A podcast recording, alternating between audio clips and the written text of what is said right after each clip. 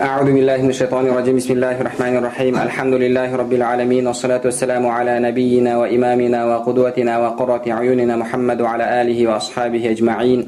اللهم لا سهل إلا ما جعلته سهلا وأنت تجعل الحزن إذا شئت سهلا. رب يسر ولا تعسر رب تمم بالخير. رب اشرح لي صدري ويسر لي أمري واحلل عقدة من لساني يفقه قولي.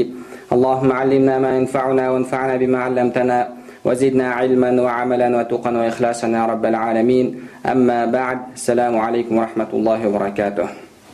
ғұламаларымыздың сөзін оқудан алдын бидат сөзінің мағынасын біліп кетсек бида араб тілінде бәдаадан шығады әл бида бәdaa ибтаdaa деген сөздер бір мағыналас болып келеді бида дегеніміз ихдату шейин ала гайри мисалин сабиқ дейді яғни бір нәрсені ешқандай бір үлгісіз етіп жасау дейді кейде адамдар бір нәрсені істеген кезде оны істеу үшін оған басқа бір нәрсе үлгі болады яғни образец соған қарап соған ұқсатып жасайды ал бида сөзі бір нәрсені бидаат ету деген бір нәрсені ешқандай үлгісіз жасап шығару деген мағынаны білдіреді құранда алла субханала тағала өзін аспан жерді жаратушы дейді бұл жерде жаратушы деген кезде де бәдия сөзі келген яғни ешқандай бір үлгісіз жаратқан яғни аспан жерге ұқсас алдын еш нәрсе болмаған деген мағынада бұл бида сөзінің тілдік мағынасы терминдік мағынасын иншалла имамдарымыздың сөзін оқығаннан кейін және олардың дәлелдерін көргеннен кейін барып иншалла таныстырайық терминдік мағынасымен. Сонда терминдік мағынасының дұрыс екеніне иншалла көз жеткіземіз. Себебі қазір алдын ала біз үкім шығарып ә, терминдік мағынасы мынандай деп айтсақ онда әлгі әлі дәлелін қарастырмай алдынан нәтиже шығарып қойған боламыз бұл әлбетте ғылымда дұрыс емес ғылымда қателік болып есептеледі имамдарымыз бидат жайында не дейді бірінші иншалла имам шафиғи рахмауллахтың сөзіне тоқтасақ себебі имам шафиғи ең бірінші болып бұл мәселені қозғаған ғұламалардан қозғаған дегенде яғни кітабында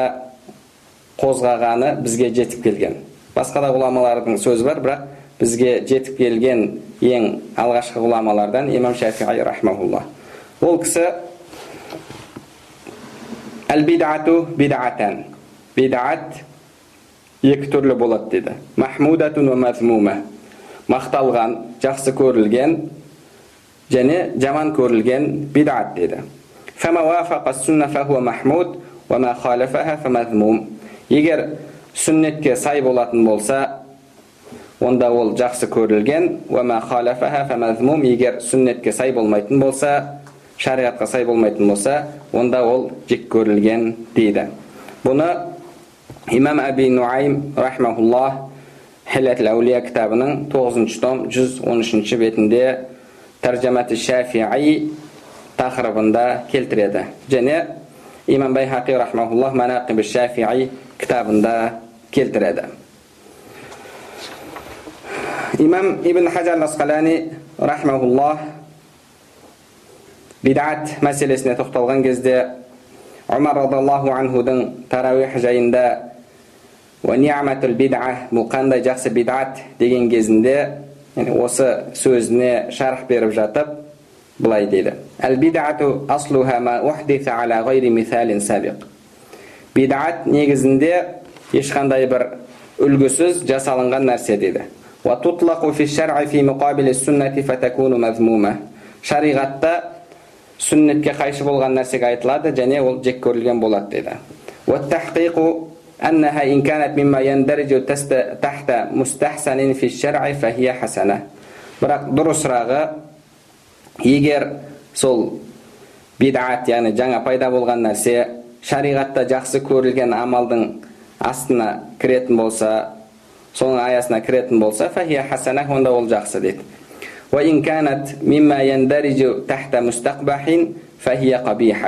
Егер шариғатымызда жаман көрілген амалдарға кіретін болса онда ол жаман дейді. Егер бұл екеуіне де кірмесе онда ол мубах болған бөлімнен деді бұны имам ибн хажар асқалани рахмауллах өзінің фатхал бари атты кітабының төртінші том 253 бетінде келтіреді келесі ғұлама имам әл қады әбу бәкір ибн әл араби рахмаулла бұл кісі малики мазхабының үлкен ғұламаларынан төртінші ғасырда өмір сүрген бұл кісінің тәфсирге қатысты ахкамул құран атты кітабы бар және басқа да көптеген кітаптары бар сол кітаптардың ішіндегі әйгілі кітаптардың бірі аридатул ахвази шарх сунан термизи яғни имам термизи рахмауллахтың хадис топтамасына жасаған шархы оны ол кісі аридатул ахвази деп атаған жалпы имам термизи рахмауллахтың хадис топтамасына жасалған шархтарда екі кітап бір біріне ұқсас атпен келеді. Бірі осы имам ибн ал арабидікі ахуази екіншісі имам мубарак фури рахмауллахтікі тухфатул ахуази деп келеді. Аридатул ахуази тухфатул ахуази тухфа мубарак фуридікі ол кейінгі ғұламалардан аридатул ахуази имам ибн ал арабидікі ол алдын өткен ғалым. Имам ибн араби өзінің аридатул ахуази фи шарх сахих термизи атты кітабында 10 том 146 147 беттерінде умур деген пайғамбарымыз саллаллаху алейhi хадисін шарықтаған кезде былай деді умур яғни жаңа пайда болған істерден сақ болыңдар деген сөз бұл кісі айтады біліңдер алла сендерге білім берсін жаңа пайда болған нәрсе екі түрлі болады дейді тек қана шахуатқа адамның көңіл қалауына негізделген негізделіп пайда болған жаңа нәрсе дейді және бұл батил шариғатта дұрыс емес нәрсе деді үзілді кесілді ومحدث بحمل النظير على النظير فهو سنة الخلفاء والأئمة الفضلاء енді екіншісі бір нәрсені екінші бір нәрсеге салыстыру арқылы яғни қияс арқылы ә, қиясты дәлел етіп алған жаңа пайда болған нәрсе бұл болса хулафалардың яғни халифалардың және абзал имамдарымыздың сүннеті дейді وليس المحدث والبدعة مذموما للفظ محدث وبدعة және бид'a мухдас деген пайғамбар саллаллаху хадисінде келген күллі мухдасатин әрбір жаңа пайда болған нәрсе бидат деген хадисіндегі мухдас бид'a деген сөздер өз атауы үшін жаман емес деді және мағынасы үшін де емес деді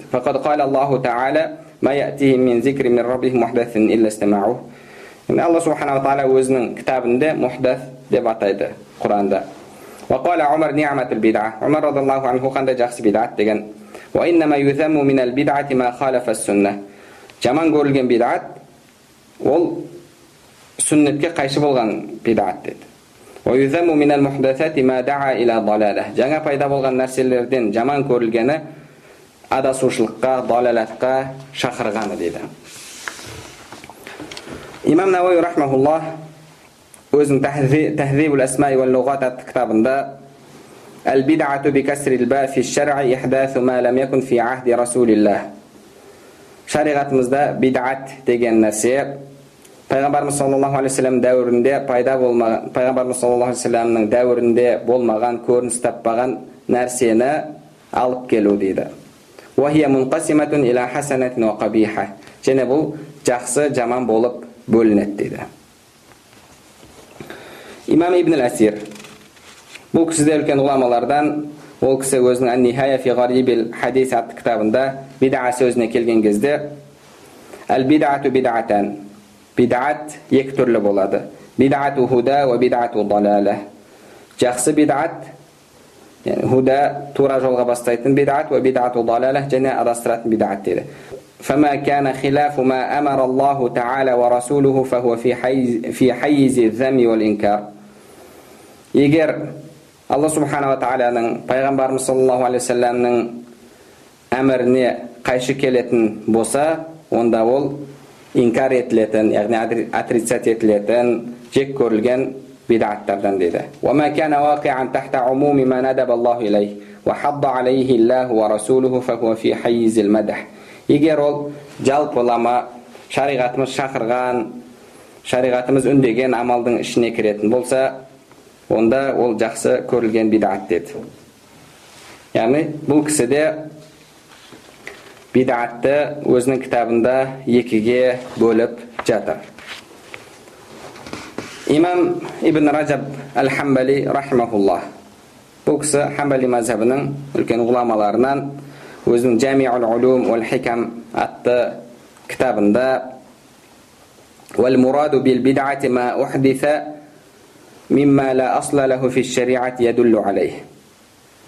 бидаттан мақсат шариғатта оған дәлел болатын шариғатта оған дәлел болатын бір дәлелге сүйенбеген бір дәлелге сүйенілмеген жаңа пайда болған нәрсе дейді ал бірақ шариғатта негізі болатын болса ядуллу алейх оған дәлел болатын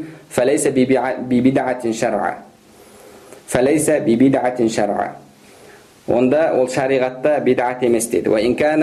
бидатан луғатан ол тілдік тұрғыдан бидат болса да шариғатта бидат емес еді яғни жаңа пайда болған іс болғандықтан да оған бидат деп аталғанымен ол шариғаттың шеңберінде болғандықтан да шариғатқа қайшы болмағандықтан да оған шариғат бидат демейді бұны айтып жатқан имам ибн хажар бұны айтып жатқан имам ибн ражаб әл хамбали рахмаулла сондай ақ имам ахмад ибн хажар әл хайтами рахмауллах та бидат жайында мына сөздерді айтады әл бидату фил луғати ма кана мухтаран тілдік мағынада бидат ойлап шығарылған нәрсе дейді ал шариғатта шариғаттың бұйрығына қайшы келетін пайда болған нәрсе дейді. Бұны бұл кісі әттәбиин фи шарх арбаин атты кітабында келтіреді. Яғни имамдарымыз имамдарымыз өздерінің кітаптарында шариғаттағы бидат екіге бөлінеді дейді.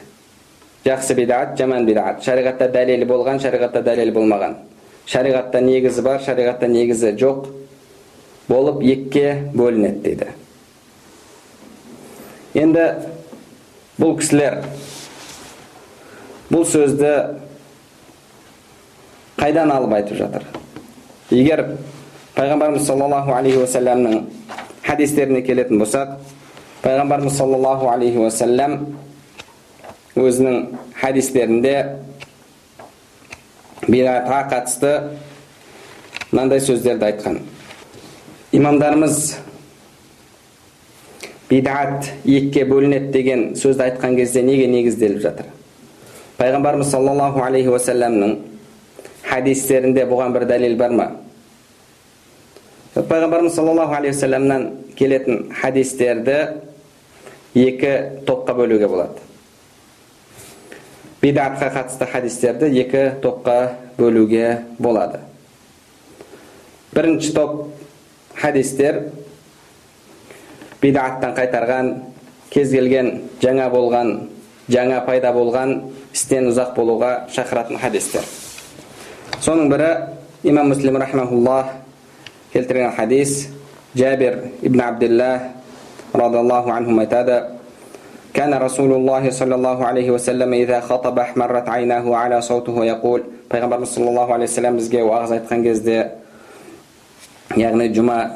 күнгі хұтпада көзі қызарар еді даусы қатты шығар еді және әмма бәғд фә инна хайрал хадиси китабуллах ең жақсы сөз алланың кітабы мұхаммад жолдардың турасы мұхаммадтың жолы істердің жаманы жаңа пайда болған іс әрбір жаңа пайда болған іс бидат әрбір бидат адасушылық деп айтатын еді деді және осы мағынада келген хадис имам әбу дауд термизилер келтірген имам термизи хасану сахих деді арбад ибн сария радиаллаху анхудан келген хадис ол кісі айтады бір күні пайғамбарымыз саллаллаху алейхи уассалам бізге сондай уағыз айтты ол уағыздан жүректер елжіреп көздер жасаурады дейді وعظنا رسول الله صلى الله عليه وسلم موعظة بليغة وجلت منها القلوب وذرفت منها العيون فقلنا يا رسول الله وكأنها موعظة مودع біз пайғамбарымыз саллаллаху алейхи я расулаллах мынау бір қоштасушы адамның уағызы секілді фаусина бізге бір нәрсені өсиет ет дедік пайғамбарымыз саллаллаху алейхи сендерге тақуалық етуді және естуді бойсынуды өсиет етемін егер хабаши құл сендерге басшылық етсе де егер менен кейін кім өмір сүрсе көптеген ихтилаф таласушылар таласуды келіспеушіліктерді көреді сол кезде менің сүннетіме және менен кейін келетін әділетті халифалардың сүннетіне еріңдер азу тістеріңмен оған жабысыңдар және жаңа пайда болған істерден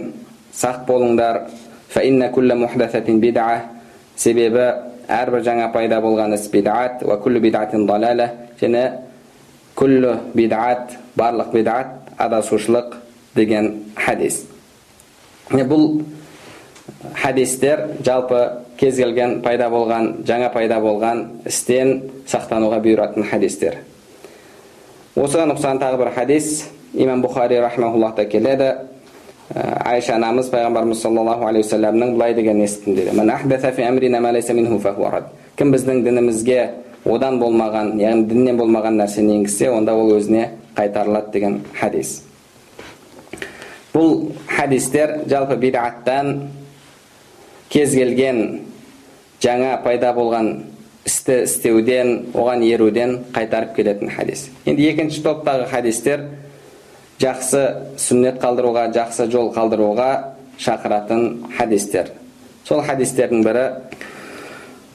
пайғамбарымыз саллаллаху алейхи уассалам имам муслим насаи ибн мәжа рахимахуллахтар жарир ибн абдиллах әл бәжали радиаллаху анхудан келтіреді пайғамбарымыз саллаллаху алейхи уассалам айтты дейді من سن في الإسلام سنة حسنة فله أجرها وأجر من عمل بها بعده من غير أن ينقص من أجورهم شيء егер кімде кім исламда жақсы сүннет қалдырса оған оның сауабы болады және одан кейін келіп сол сүннетпен амал еткендердің сауабы болады және кейін келіп амал еткендердің сауабынан еш нәрсе кемімейді дейді كان عليه وزرها ووزر من عمل بها بعده من غير أن ينقص من أوزارهم شيء егер кімде кім исламда жаман сүннет қалдырса оған оның күнәсі болады және кейін келіп амал етпеушілердің күнәсі болады. Және кейін амал еткендердің күнәсінен еш нәрсе кемітілмейді деді. Яғни алдыңғы адамға күнә немесе сауап барып тұруымен кейінгі адамдардың күнәсі сауабы кемімейді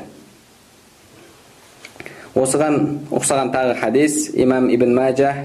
рахмауллах сахих санатпен әбу хурайра радиаллаху анхудан келтіреді. Peygamber sallallahu aleyhi деді sellem dedi. хайран фастунна бихи кана лаху kana камилан. Кімде кім жақсы сүннет қалдырса, және соны басқалар сүннет етіп амал етсе, оған оның сауабы толық болады деді. Ва мин уджури мен истенне бихи ла янқусу мин уджурихим шей'a. Және кейін сол сүннетпен амал еткендердің де істерінен бұған сауап болады деді кейінгілердің сауабынан еш нәрсе кеммейді ومن استنى سنة سيئة فاستن به فعليه وزره كاملا ومن أوزار الذي استنى به لا ينقص من أوزارهم شيئا және кімде кім жаман сүннет қалдырса және оны басқалар артынан сүннет етіп соған амал етсе оған оның толық күнәсі болады кейін амал еткендердің де күнәсі болады және кейінгілердің күнәсінен еш нәрсе кеммейді. Дейді бұл хадистер исламда жақсы сүннет қалдыруға шақыратын хадистер. Енді ғұламаларымыз бұл хадистерді қалай түсінген не үшін бидат екіге бөлінеді деген пайғамбарымыз саллаллаху алейхи уассалам күллу бидатин барлық бидат адасушылық деп тұрған жоқ па? Пайғамбарымыз саллаллаху алейхи бұл сөзді айтып тұрса да ғұламаларымыз қалай оны екіге бөліп жатыр? Иншалла алла нәсіп етсе олардың не үшін бөлгенін бөлген кезде неге негізделгенін келесі дәрісімізде қарастырамыз олардың бөлуіне дәлел бар ма сахабалардан дәлел бар ма пайғамбарымыз саллаллаху сахабалар бұны қалай түсінген иншалла алла нәсіп етсе бұны келесі дәрісімізде үйренеміз алла субханала тағала бәрімізге пайдалы білім нәсіп етсін білімдерімізге амал қылуымызды және амалдарымыздың қабыл болуын нәсіп етсін субханак бихамдик нәшһәду ан ла илаха илля ант настағфирук ва натубу илейк